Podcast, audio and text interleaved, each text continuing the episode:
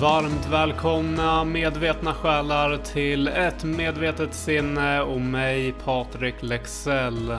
Idag så har vi med oss en otroligt ödmjuk, klok och inspirerande människa som har synts i TV vid flera sammanhang där hon bland annat vann senaste upplagan av Elitstyrkans hemligheter där man utmanas till sin maximala gräns. Stephanie Pizzignago kommer idag berätta om livet som elitgymnast, hur det är att leva med anorexia och hur hennes liv som brandman är. Vi går in på vikten att våga prata om sina problem, att våga visa sig sårbar och bemöta frågan Hur mår du? på ett djupare plan. Vi har alla svagheter och styrkor och det här är ett öppet och fint samtal där du som lyssnar säkert kan känna igen dig i många delar kring det vi pratar om. För dig som är ny här i kanalen så får du mer än gärna hjälpa mig att synliggöra podden för andra genom att följa, gilla och dela den vidare.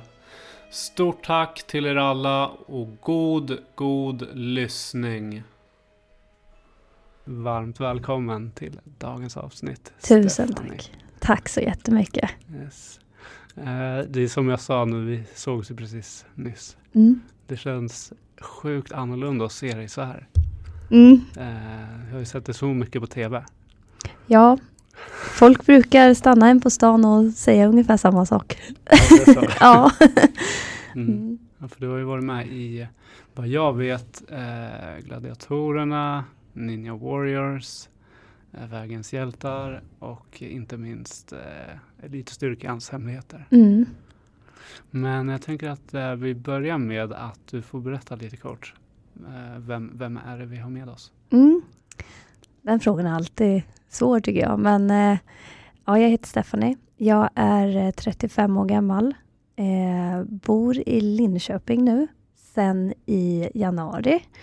Eh, är eh, uppvuxen i Linköping från början men eh, flyttade till eh, Stockholm när jag var ja, men precis efter studenten, så jag fyllde 19 där.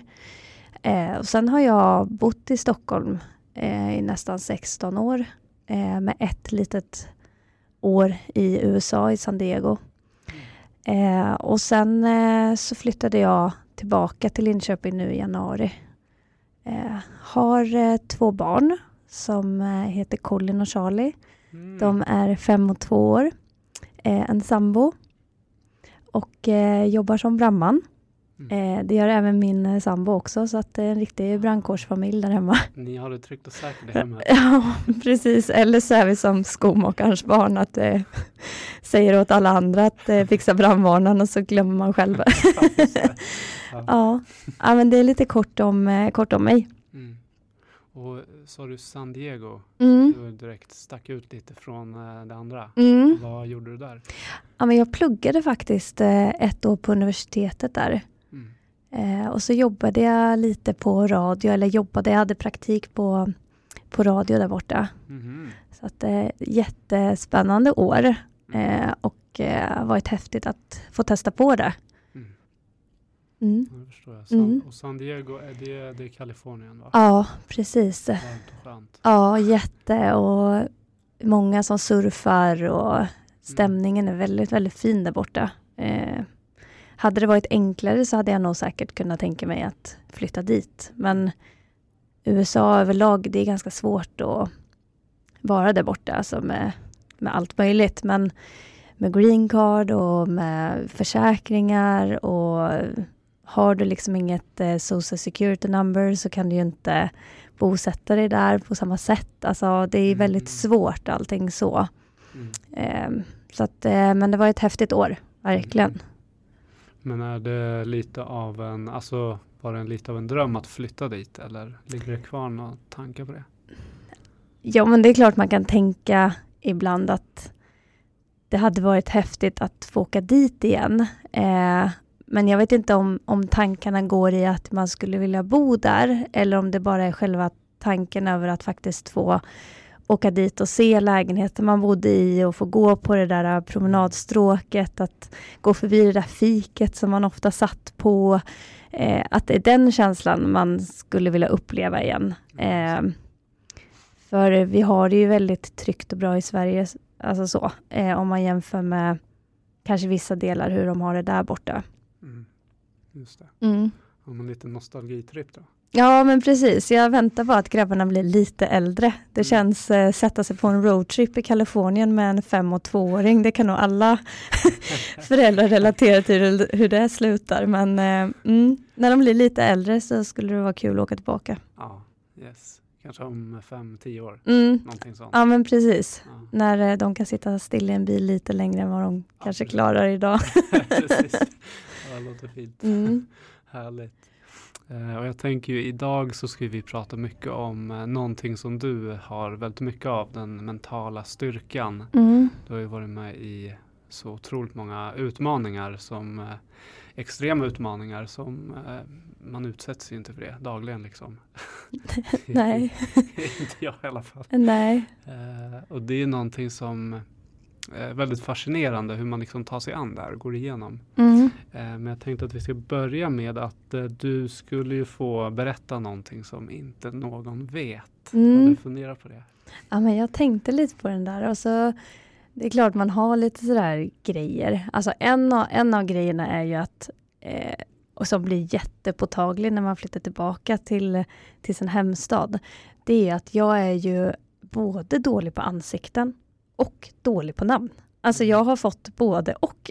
Oftast är man ju liksom bara dålig på, eh, på namn eller man är bara dålig på ansikten. Och du vet, man träffar ju så mycket barndomsvänner och du vet, så står man och tänker så här, man står ju och pratar och sen så bara, gud, vem är det jag står och pratar med? Och vad heter hon eller han?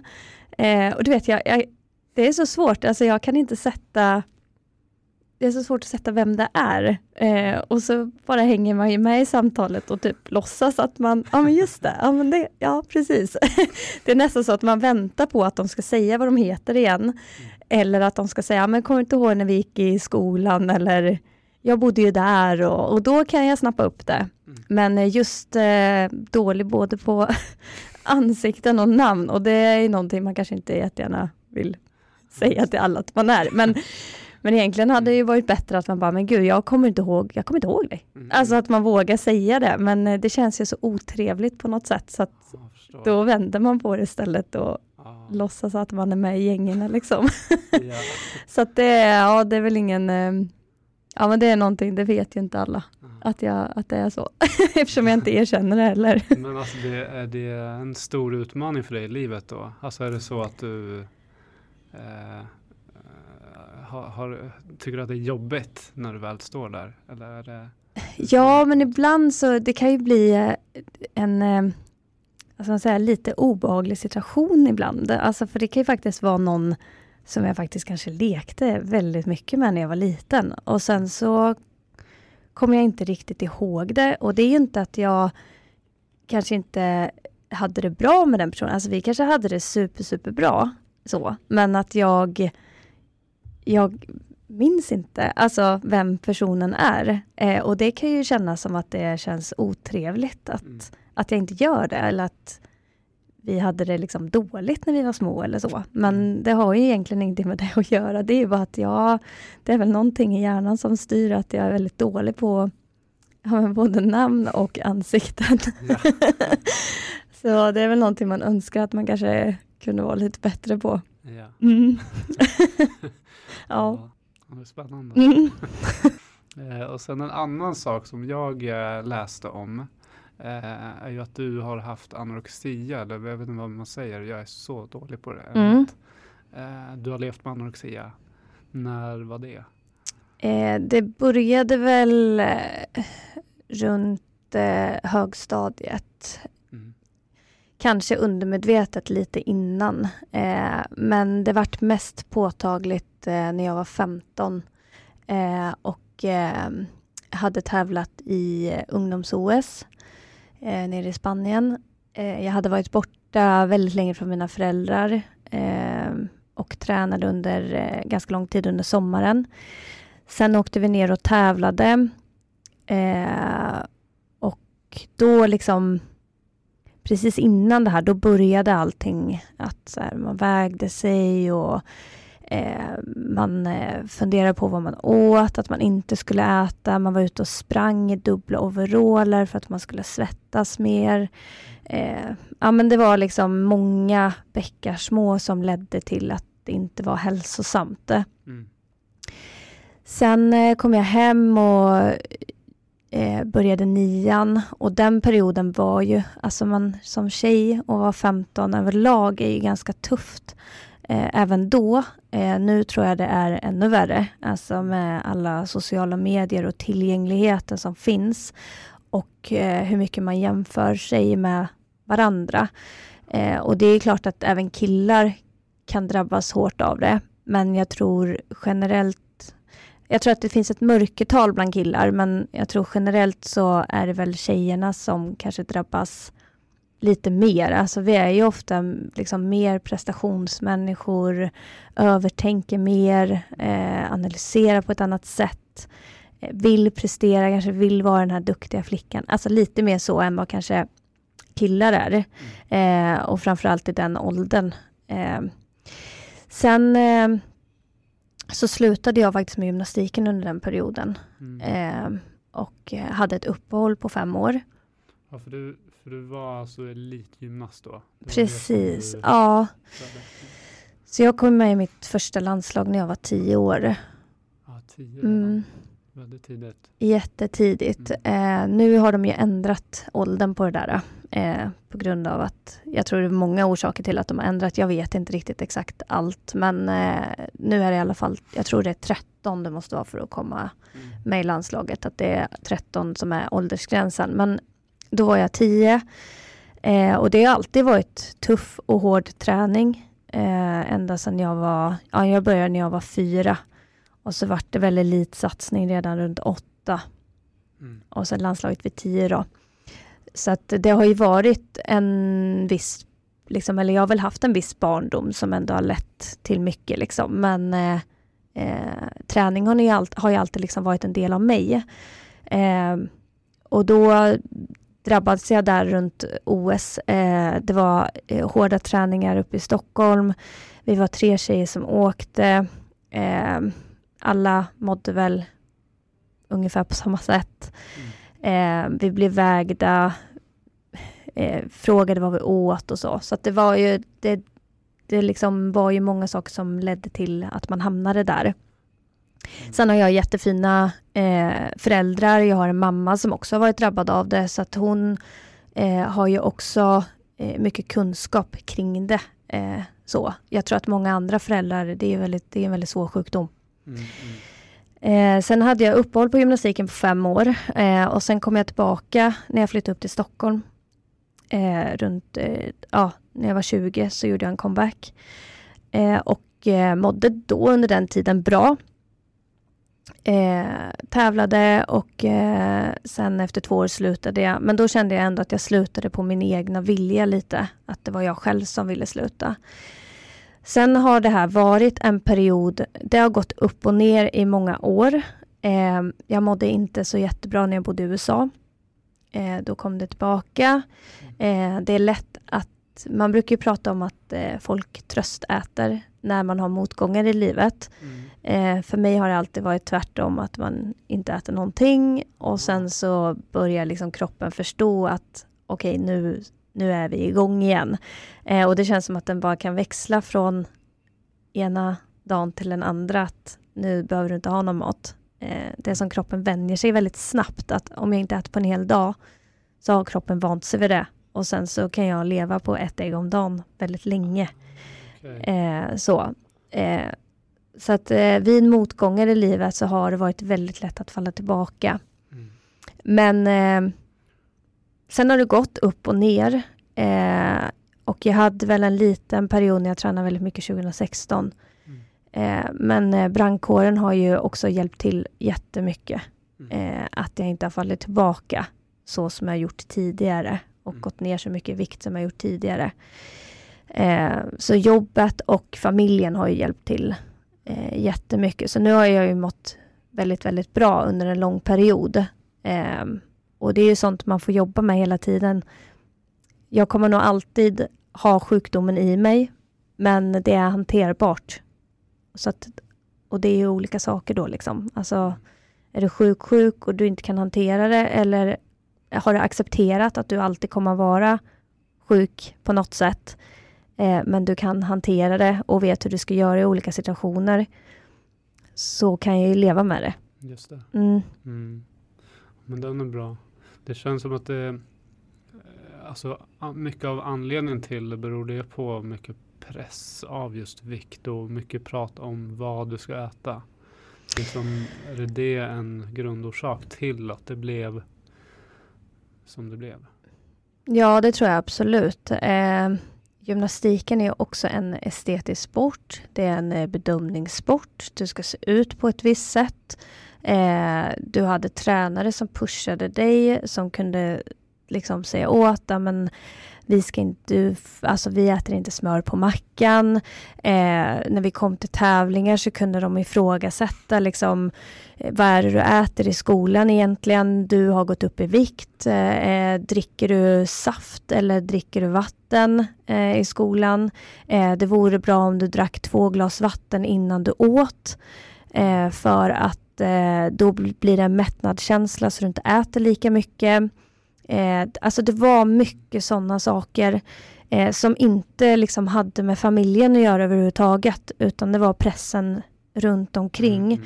Och idrotten var ju så stor del.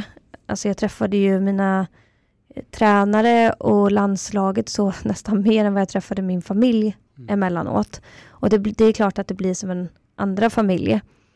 Eh, och sen andra tjejer som liksom hade samma tänk och samma mål.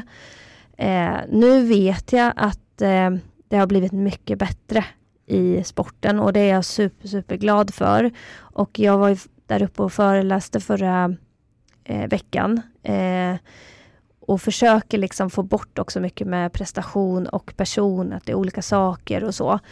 Så att det, det är liksom, de jobbar ju hela tiden att det ska bli bättre. Eh, och sen är det många av eh, de gamla tränarna som också har slutat. Mm. Eh, och att de ser liksom andra saker som gör att en gymnast kan bli duktig. Alltså, ja, det är bra. Eh, en ny generation dit. Ja, precis. Om vi ser på USA, de är ju super, super duktiga. Och de genetiskt är ju ganska lika oss, alltså hur vi föds. Eh, när jag var gymnast så jämförde man jättemycket med Ryssland och Kina och jag menar, vi är genetiskt födda helt olika, så det är väldigt svårt att jämföra sig med en kines. Alltså det går ju inte. Och jag menar, de går in på, eh, alltså som fyraåringar på en viss skola, alltså de blir bortlämnade från sina föräldrar för att träna. Alltså det funkar inte så i Sverige. Så att mm man har i alla fall kommit en bra bit på vägen mm. eh, mot hur det var när jag själv var gymnast. Och det är jag ju ändå glad för. Men men självklart, pressen eh, från tränarna och idrotten gjorde ju att det ledde till att det vart mm. som det vart. Ja, intressant. Men hur gör du idag då om du för det låter som att just som du sa där, normalt tröstäter man om mm. man har det tufft och mm. jobbigt. Hur hanterar du det när du har, för du har ju också uppenbarligen, som alla tänker jag, mm. utmaningar i livet. Mm. hur hanterar du det då? Ja men nu de senaste åren har jag fått må så bra i mitt liv ja. eh, överlag. Eh, ja, men jag har haft en väldigt eh, fin tillvaro. Eh, men däremot har jag varit gravid två gånger eh, och det har ju varit jättetufft för mig. Mm.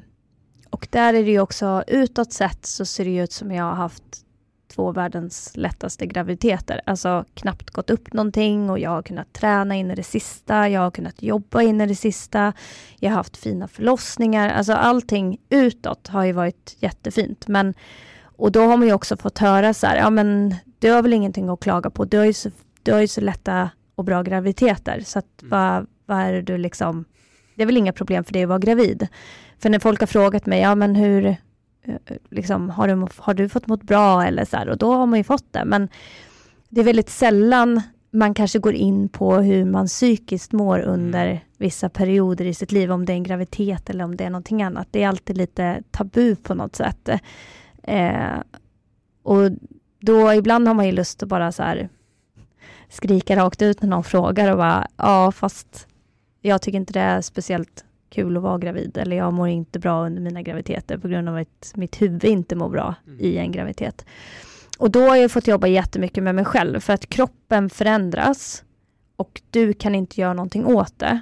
Tidigare så har jag ju kunnat styra det där själv. Eh, men under en graviditet kan du inte göra det. Och det är ju liksom ändå ett barn som växer där inne. Och du vet att den behöver näring och sånt. Och då har jag ju verkligen fått jobba med huvudet. Att så här, du måste tänka bort det här. Eh, det kommer bli bättre när ungen är ute. Eh, och det är, så, det är jobbigt att prata om det, för folk är, säger ju ofta, men du ska vara tacksam. Du har två barn och de är friska och ja, jo. Mm. Alltså det är klart, jag är jättetacksam över mina barn, men fortfarande har jag ju andra saker som är jobbigt, mm. som är viktigt att prata om. Mm. Men det är så tabubelagt för att man ska vara så stolt och glad att man har kunnat bli mamma. Mm. Eh, så att, och, och då har jag ju fått jobba jättemycket mot mig själv där. Mm. Att eh, Det är väl typ där egentligen motgången har kommit i livet lite under de senaste åren. Mm. Eh, just tankarna med anorexian och sen ha två graviditeter på det. Mm, mm. Eh, en tuff kombination, mm. jag tänker mig, för eh, det mentala. Mm. Det är som du säger också det här med kollade på en serie igår där, där de sa att eh, eh, det var en polis som frågade hur mår du till han som var brottsoffer. Och han sa det att ja, jag ska väl svara som alla andra, jag mår bra. Mm. Det är väldigt vanligt att man liksom inte går djupare. Eh, vad det beror på, det är många anledningar. Att man inte har tid att stanna upp kanske. Eller det är också jobbigt att prata om det som du själv sa. Mm. Det, det, är tufft att gå in på det. Mm. Uh, men det är så viktigt också, mm. uh, tänker jag. Sen tror jag också att det är... Eh, man är nog lite rädd för svaret.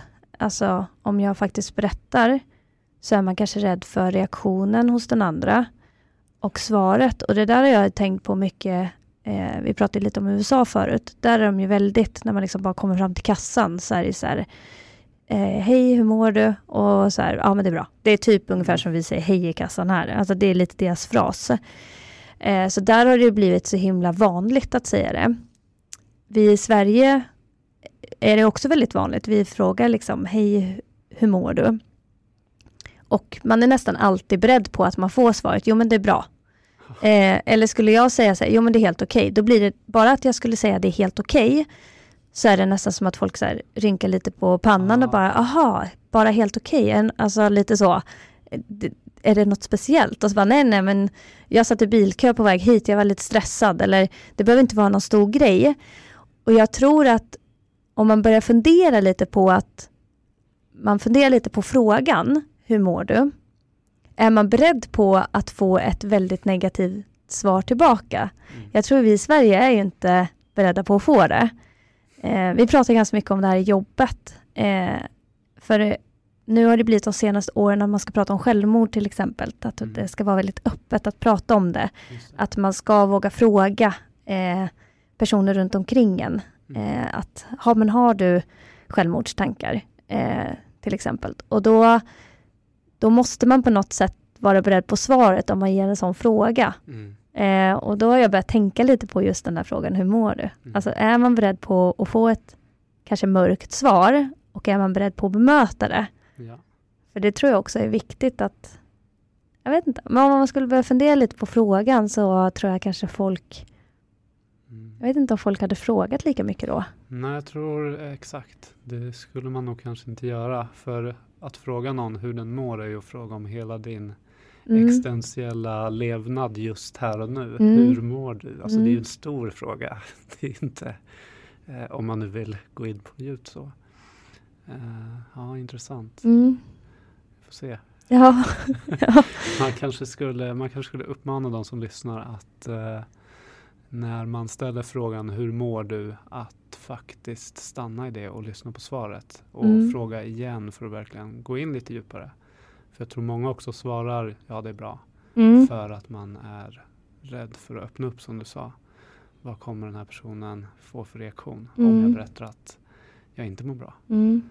Och det handlar ju också mycket om att man inte vågar visa sig sårbar tror jag. Mm. Alltså den som får frågan. Eh, för det har ju alltid varit lite läskigt Mm. eh, att göra det. Eh, så att ja, nej men det, det är intressant det där. Mm. Hur är du Mm. med just sårbarheten då? Är du, har du lätt för att liksom öppna upp dina känslor eller är du mer åt det stängda hållet? Nej, jag skulle säga jag är född i kräftans tecken. Vi är väldigt känslomässiga av oss. Eh, nej, men jag skulle säga att jag är nog väldigt eh, eh, verbal eh, vad det gäller mina känslor. Eh, jag tror att man ser eh, mycket på mig hur jag mår, eh, alltså kroppsligt. Eh, sen är det klart att vissa saker kanske man inte vågar visa upp och alltså som man håller lite stängt för sig själv eller liksom man har bara inom familjen typ. Mm. Eh, och det måste ju få vara okej. Men jag har blivit mycket, mycket bättre de senaste åren. Eh, och det har ju också hjälpt väldigt mycket i jobbet. Mm. Jobbet har hjälpt till väldigt mycket. Där måste vi ju, vi blir så, dels blir vi så tajta tillsammans. Eh, men där också är det väldigt viktigt för vi åker på väldigt jobbiga händelser. Eh, och om jag inte berättar om det är någonting specifikt som har hänt mig eller jag inte mår speciellt bra eh, så är det väldigt eh, viktigt att jag berättar det för Mm. kollegorna eh, så att inte de sätter mig i en situation som jag inte kan ta mig ur sen. Eh, och att jag kanske ännu, alltså mår ännu sämre. Mm. Vi, vi pratar ju ofta om det här just vad det gäller suicidlarmen som vi kanske åker på, att det är väldigt viktigt att ja, men om jag inte är mentalt stabil eh, när jag kommer till jobbet och så får vi ett sånt larm och så har vi en ung tjej eller kille som ska hoppa från den här balkongen eh, och sen pratar jag med henne eller honom och sen så väljer han att hoppa eh, så kommer jag ju ta på mig väldigt mycket av vad jag sa. Sa jag någonting fel? Eh, troligtvis hade hon eller han redan bestämt sig innan. Men om jag är mentalt stabil i det så har jag ju lättare att bearbeta en sån händelse än om jag själv är instabil Mm. eh, och kanske mår väldigt dåligt. Eh, då ska jag liksom behand- alltså bearbeta det jag mår dåligt för själv plus att jag ska bearbeta det här eh, larmet. Mm. Eh, och tar säkert på mig ännu mer då. Eh, för när man är stark i saker så är det ju mycket lättare att bearbeta också än när man är svag in i det liksom. Mm. Så att jag har blivit mycket, mycket bättre. Eh, och såklart att elitstyrkan också hjälpte till väldigt mycket. För där fick jag också visa mig sårbar i vissa situationer. Så att det har ju också lärt mig att packa på grejer i min ryggsäck som är bra att ha. Liksom. Mm. Ja, men det är intressant det du säger där om man backar till just det här med som brandman. Att, eh, för det gäller, jag tänker att det gäller ju vilket jobb som helst också, att, alltså i grupp. Att man berättar hur man mår i gruppen för det kan ju påverka gruppens resultat och eh, även en själv om man mår Mm. dåligt. Och framförallt som brandman eller de mer kritiska yrkena där man verkligen, det står liv på spel. Mm. Det är en annan sak för mig som jobbar med provverksamhet. Värsta som kan hända är att någon missar ett prov och får göra om det. Mm. Det är inte livsavgörande förmodligen. Eh, Men ja, det är bra tankar och viktigt Mm. att du lyfter det. Men Jag tror överlag att folk skulle må bättre. Alltså om man vågade visa sig sårbar. Alltså det är till exempel om man man kan ju bara ta styrkor och svagheter på en arbetsintervju. Det är alltid lätt på något sätt att lyfta sina styrkor. Mm. Eh, då kanske man har fem stycken man vill berätta Ja, om. Ja.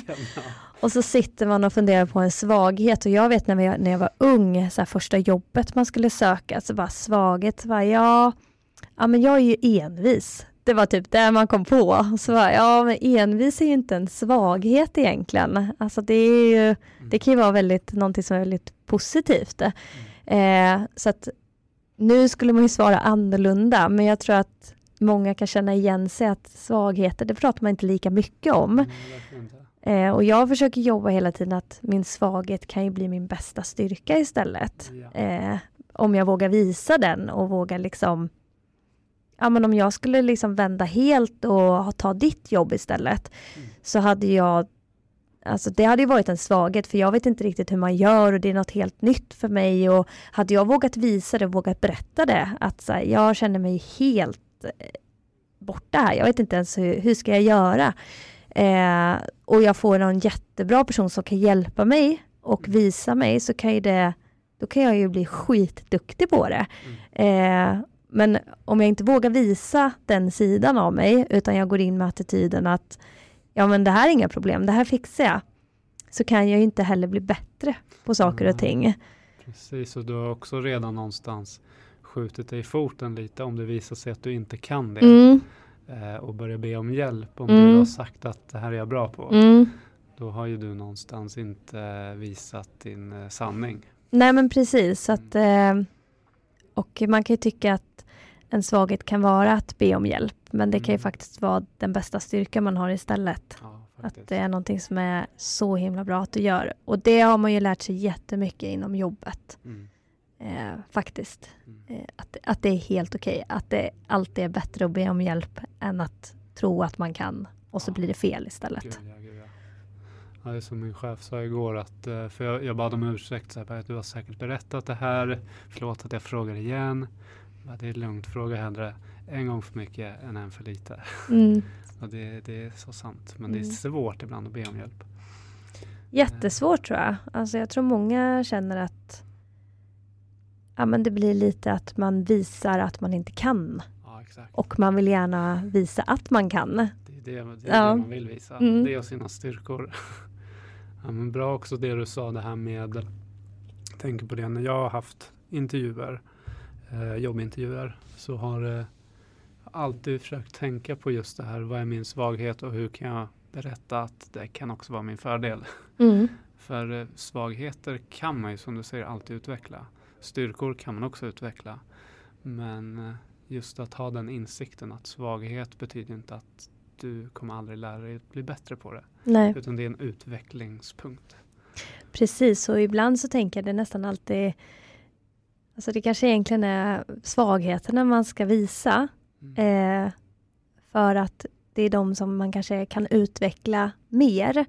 Eh, för att, att jag är en glad och positiv person, det kommer jag ju alltid vara så länge jag trivs på mitt jobb eller jag trivs i min liksom, livssituation. Alltså det är sån jag är. Eh, och den blir ju på något sätt en styrka som är i balans. Och en styrka som är i balans är oftast jättebra. Eh, men en styrka som blir i obalans, till exempel att eh, jag tar på mig jättemycket saker och ska vara den här duktiga flickan och jag ska eh, ja, men har, ja, men jag ska visa att jag är väldigt, väldigt bra på det här. Och så du ber mig om hjälp och så tar jag dig och så tar jag nästa, tar jag nästa, så nästa. Så det blir så mycket jobb att, att det blir för mycket och då blir det en styrka som inte är i balans istället, vilket kommer att betyda att den här positiviteten jag har och energin, den kommer ju försvinna. Så de två styrkorna jag har, de försvinner ju helt för att jag har tagit på mig för mycket. Mm. Eh, och det är ju ofta så en styrka som är i balans är oftast good enough. Mm. Eh, och då, hu- hur ska jag då kunna jobba också med mina svagheter? Alltså, så att det där är ju, ja det är en balansgång det där, alltså hela livet känns det som, hur man ska Mm. balansera sina styrkor och svagheter. Men ibland hade jag önskat att arbetsintervjuer, nu var det väldigt länge sedan jag var på en, men att Mm. de skulle formuleras lite annorlunda. Mm, mm. Ja, vi har ju, vi pratade om det, det var något år sedan, vi pratade om eh, rekryteringsprocessen börjar bli sämre och sämre för att man på något sätt robotiserar det. Alltså det blir eh, eh, frågeformulär. Det är ju knappt en människa du sitter med i många ställen. Eh, du ska fylla i de här åren har jag jobbat med det, det här är mina erfarenheter, mina svagheter. Eh, du pratar inte ens med en människa ibland, utan du skickar bara in det. Mm. Det är så långt ifrån verkligheten Mm. kan komma. Mm. Så det ja, finns mycket att jobba på där. Mm. Mm. Eh, och som brandman, du jobbar ju, alltså du är ju kvinna och jobbar i en mansdominerad bransch. Mm. Hur är det? Att, eh, är det några utmaningar med det? Ja, det är klart att det har varit utmaningar. Eh, nu har jag jobbat i ganska många år eh, och är eh, ganska säker på mig själv också, eh, vad jag kan och den erfarenheten jag har. Eh, men om vi backar tillbaka bandet till när jag började så är det klart att det har varit mycket utmaningar. Eh, jag är liten, jag är tjej, eh, jag jobbar bara med män. Eh, och sen är det också så här, om du, om du ska lära dig någonting så kan du oftast titta på din kollega och göra likadant. Jag har ju aldrig kunnat titta på min kollega och hållit slangen likadant som han har hållit slangen, till exempel. Eller brutit en dörr precis som han har brutit en dörr. Så jag har ju haft de utmaningarna att okej, okay, han bryter den här dörren på det här sättet. Hur ska jag med hälften av hans kroppsvikt kunna bryta den här dörren. Mm. Och sen har jag fått öva på egna tekniker, alltså gått ut och övat själv eller funderat, eh, gått till bilen, tittat på verktygen. Eh, och sen har jag liksom ja, men jag får nog göra på det här sättet. Jag kommer nog få bryta så här. Eh, här kanske jag kommer få be kollegan om hjälp när det blir för högt. Eh, alltså många sådana saker. Det här är ju bara hålla slangen och bryta dörr. Det är två saker. Vi gör ju hur mycket grejer som helst. Eh, så det är klart att det har varit en utmaning, men jag har ju också haft och sett att ja, men det här fixar jag, bara att jag måste tänka annorlunda. Mm, du måste tänka lite mer. Ja, men precis. Eh, det är ju så. Hur kan jag dra nytta av att jag är liten i det här? Eh, det är väldigt få situationer där det har varit bra att vara liten och vara brandman, men det är klart att det har hänt. Eh, Smidigt att krypa in genom fönster. Ja, små trånga bilar. Ja, mm. men precis. Men det är ju väldigt sällan det händer. Man önskar att man kunde vara lite längre och kanske lite större. Eh, men, men är, du, är, du, den, jag tänker just eftersom du är kort och liten, är det du som liksom kommer först? Du är den som ska vara in i trånga utrymmen? Ja, men det där är ju väldigt eh, situationsanpassat. Men eh, jag vet ju, vi var ju på en eh, trafikolycka, det här är många år sedan, eh, där det var, bilen var ganska ihopkvaddad. Eh, och eh, då var det inte jag som satt sjukvårdare, vi har ju olika platser i bilen som vi sitter på. Eh, utan jag var säkerhetsman så jag hade paket på mig och så. Och så kommer vi fram till bilen och då hör jag bara hur befälet skriker bak att eh, ni två får byta plats. Eh, Steffi, du får gå in och vara sjukvårdare. Mm. Eh, och det var ju för att det var så himla trångt. Jag var den enda som kom in i bilen. Mm. Eh, så det är klart att det händer, men det är inte så att eh, per beställning, liksom att så här, Steffi ska alltid gå in Nej. först. Eh, men eh, vet vi att det är trångt och litet och så, det är klart att de skickar in mig. Mm. Eh, det är likadant om vi har en elitsimmare på gruppen eller då är det klart att han eller hon ska simma istället för att någon annan simmar. Mm. Så det är klart att vi situationsanpassar ju mm. vad vi har för kompetens på bilen. Mm. Vad är det värsta du har varit med då inom yrket? Du tänker eh, larmmässigt eller eh, ja. tänker du? Just larm, ja. någonting som har hänt. ja, men jag brukar se två olika sätt på det där. Eh, dels är det de personerna som inte vill leva längre. Det är väldigt tragiskt på ett sätt. Sen finns det de personerna som omkommer på grund av en olycka, som inte själva har valt det. Det är tragiskt på ett annat sätt. Mm. Eh, och man bearbetar det där olika. Eh, när någon har hoppat framför tåget till exempel, så eh, är ju det fruktansvärt tragiskt. Man tänker ju mycket kring liksom, vad, vad, vad är det som förorsakar att du gör det här. Du är 13 år gammal och mm. har knappt levt något av ditt liv. Eh, och det känns idag också att ungdomar inte eh, har några motgångar på något sätt. Och så blir det en motgång att killen gör slut och då väljer man att hoppa framför tåget. Alltså det kan vara en sån liten grej som mm. sätter stopp för dem. Och då försöker man bearbeta det hur, alltså hur kan den här lilla, lilla tjejen må så dåligt som bara är 13 år gammal? Eh, och man hade önskat att man hade kunnat fångat upp henne tidigare, men man vet inte ens vem det är när man åker dit. Eh, och funderar liksom mycket på varför inte samhället fångar upp dem och sådär. Sen har man ju de som förorsakas i olyckor eh, på vägen och så. Och då, då kan man istället tänka liksom mycket, hade du bara tagit en kopp kaffe mm. eller inte tagit en kopp kaffe så hade du inte varit på den här platsen vid det här tillfället, när det hände. Eh, och, då, och det blir väldigt tragiskt på ett annat sätt. Mm. Så att eh, olyckorna och larmen är ju... Alla är ju så olika. Mm. Och man måste bearbeta dem på olika sätt. För att själv liksom kunna gå vidare. Ja, men hur, hur gör du det då? Alltså när du har ni specifika samtal efter varje utryckning eller hur, hur bearbetar du de här situationerna? Ja, de senaste åren har ju det här blivit mycket bättre. Eh, så att vi har ju, när vi åker på jobbiga händelser, eh, inte alla, men eh, vissa specifika, så har vi kamratstöd som kommer ut till stationen. Mm. Eh, och då går man eh, varvet runt. Eh, så får alla berätta vad man gjorde när larmet gick på stationen, om vi var på stationen. man berättar exakt vad man gjorde för någonting. Eh, och alla får verkligen prata till punkt. Eh, det kan vara någon som har mått dåligt under dagen, så kanske man berättar det. Eh, ja, så går man det här varvet runt. Eh, och det handlar mycket om att det, det har, har, visat sig att det är lättare att bearbeta en händelse om man får en helhetsbild kring den. Mm. Eh, så även om man eh, inte känner där och då att det hjälper, så hjälper det i processen framöver. Eh, det kanske hjälper dagen efter, det kanske hjälper en vecka efter, tre månader efter. Alltså, eh, generellt så ser man att det hjälper att man får prata om det och att man får en helhetsbild.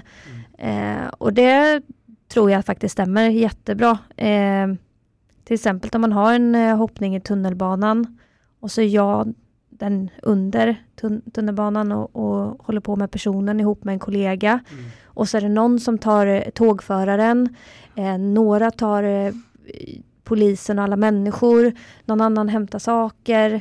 Så, och så får man en helhetsbild. Vad hände ovanför mitt huvud som jag inte har sett eftersom jag mm. låg under spåret? Och så får alla liksom berätta. Eh, mm. Så det är så vi bearbetar. Sen är jag ju tillsammans med en brandman också så att jag Eh, vi bollar jättemycket hemma. Det blir lite mina case blir hans mm. case och hans mm. case blir mina case. Och det, det hjälper ju också om man har någon sån, om det är en kollega eller om det är en, eh, den man lever ihop med eller någonting. Mm. Ja men verkligen. Jag tycker det är intressant det du är inne på också med det här helhets, helhetsperspektivet. För om man skulle dra ner det lite om man säger att man har eh, vad vet jag, relationsproblem, problem med chefen och så vidare. När man är två och två bara. Mm. Då är det ju samma sak där. Att man, det kan vara bra att se vad tänker den andra. Prata om det och sen ta det som ett hel helikopterperspektiv och mm. se vad skulle någon annan tänka utifrån mm. vad, vad, vi gjorde. Mm. För då får man ju verkligen den här, då, då tar man bort egot. Alltså man tar bort hela sitt sitt egoistiska tänk. Och är man i en situation att du är under tunnelbanespåret och inte vet vad som händer runt omkring, då kommer ju dina negativa tankar ta över dig. För du har ju ingenstans att ventilera eller se något annat perspektiv. Så det är otroligt viktigt. Mm. Mm. Ja, men jag tror det i, i långa loppet i alla fall. Eh, och då kanske man bara mår bra av att man får höra att eh, tågföraren i det här fallet faktiskt mår helt okej okay och han har blivit omhändertagen. För annars kan det ju bli att man börjar fundera på vad hände med honom och var det någon som tog hand om honom och hur mår han idag? Och så börjar man tänka mm. på honom istället för att fundera på vad jag faktiskt var för på för larm. Ja. Eh, så att jag tror att det är jätteviktigt att få hela det här mm. perspektivet. Ja, bra. Vad är det bästa då? Att vara brandman? Ja, men det bästa är ju eh, att man jobbar i grupp. Eh, att man gör väldigt mycket saker tillsammans. Man blir... Eh, nu har jag ju börjat en ny station här så nu har jag inte riktigt kommit in i, i det än. Mm. Eh, men Du är på väg in i Ja, gruppen. men, ja precis. Eh, men här uppe i Stockholm så ja, men man vet väldigt mycket om varandra. Eh, man pratar väldigt mycket med varandra. Man umgås väldigt mycket med varandra. Alltså man ser ju på film och sen så lagar man mat ihop och man åker på larm tillsammans och man övar ihop. Alltså det blir ju det är ju inte som ett vanligt jobb så. Mm. Eh, så det, det tycker jag om. Eh, jag tycker väldigt mycket om att man jobbar för tredje man, alltså för andra människor. Mm. Och sen att inte dagarna ser likadana ut. Alltså man vet inte vad man väntas när man går in på brandstation. Man vet inte vad som kommer hända under dagen. Så det tycker jag också är eh, väldigt spännande med jobbet. Mm. Det låter sjukt spännande. Passande för mig som inte gillar det här sammanlika. Nej, Det är nice när det mm. händer lite nytt. Man Ja. man kanske inte kan vara jättemycket rutinmänniska, i alla fall inte på jobbet. Nej, jag tänker det. Det Ja. måste vara svårt. Ja, alltså man... Eh, folk brukar ju fråga eh, om jag är kontroll, har kontrollbehov. Det. Och det skulle jag inte säga att jag har. Men däremot har man ju jättekontrollbehov på sin utrustning och vart man har alla grejer. Och, alltså så är man ju jättekontroll. Mm. Eh, men annars så när man eh, lägger sig ner och ska försöka sova eller så här, man vet inte om man får sova eller inte. Och, så där är ju bara att släppa den kontrollen. Ja. Mm. Och den är ju, om vi hoppar in på elitstyrkan där, så är ju det en av de sakerna som eh, verkar vara mest utmanande. Just den här att du har absolut ingen kontroll Mm. över mat, sömn, dagar, nätter, alltså totalt Mm. noll koll. Mm. Eh, hur påverkade det dig?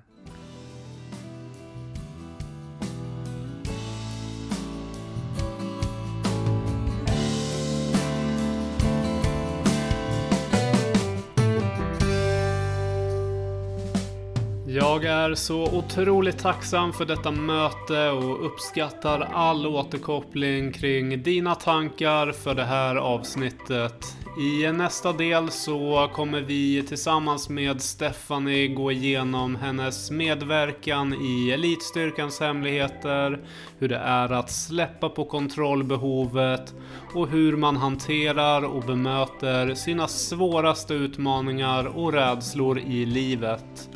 Vi ser också över rädslan att misslyckas, hur man får ett ökat självförtroende och en stärkt självkänsla. Vad är skillnaden på person och prestation och hur kan man leva livet fullt ut? Det får du veta i nästa avsnitt och till nästa gång, tro på dig själv, lita på dig själv och var dig själv.